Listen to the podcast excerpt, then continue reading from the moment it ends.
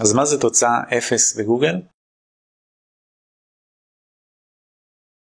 טוב, תוצאה 0 רוב הסיכויים שנתקלתם בזה מתישהו. זה בעצם תוצאה שנותנת מענה ישיר לחיפוש שהבן אדם עושה בגוגל או לפחות מנסה לעשות את זה. וזו תוצאה שמופיעה מעל כל התוצאות האורגניות לכן נקראת תוצאה 0 כביכול היא מעל התוצאה הראשונה. וזה הרבה פעמים קורה כאשר הטקסט באתר מנוסח בצורה שעונה לשאלה ספציפית. למשל כמה עולה קידום אתרים? למשל כמה זמן לוקח לקדם אתר? אז גוגל הרבה פעמים לוקח פשוט קטע מהטקסט של העמוד ומציג אותו בתוצאה 0 אז בשביל להגביר את הסיכוי להופיע בתוצאה 0 אתם פשוט צריכים לנסח את זה בצורה שעונה על שאלות מסוימות. זה יכול להיות כל מיני שאלות שונות באותו עמוד. פשוט גוגל ידע לקחת את הקטע הרלוונטי ולהציג את זה שם. היתרון של זה הוא כמובן שאתם יכולים לזנק הישר לתוצאה 0 בדרך כלל זה קורה לתוצאות שהן כבר בעמוד הראשון. פחות סביר שתקפצו למשל מעמוד שני ישר לתוצאה 0 אני כמעט לא ראיתי את זה קורה.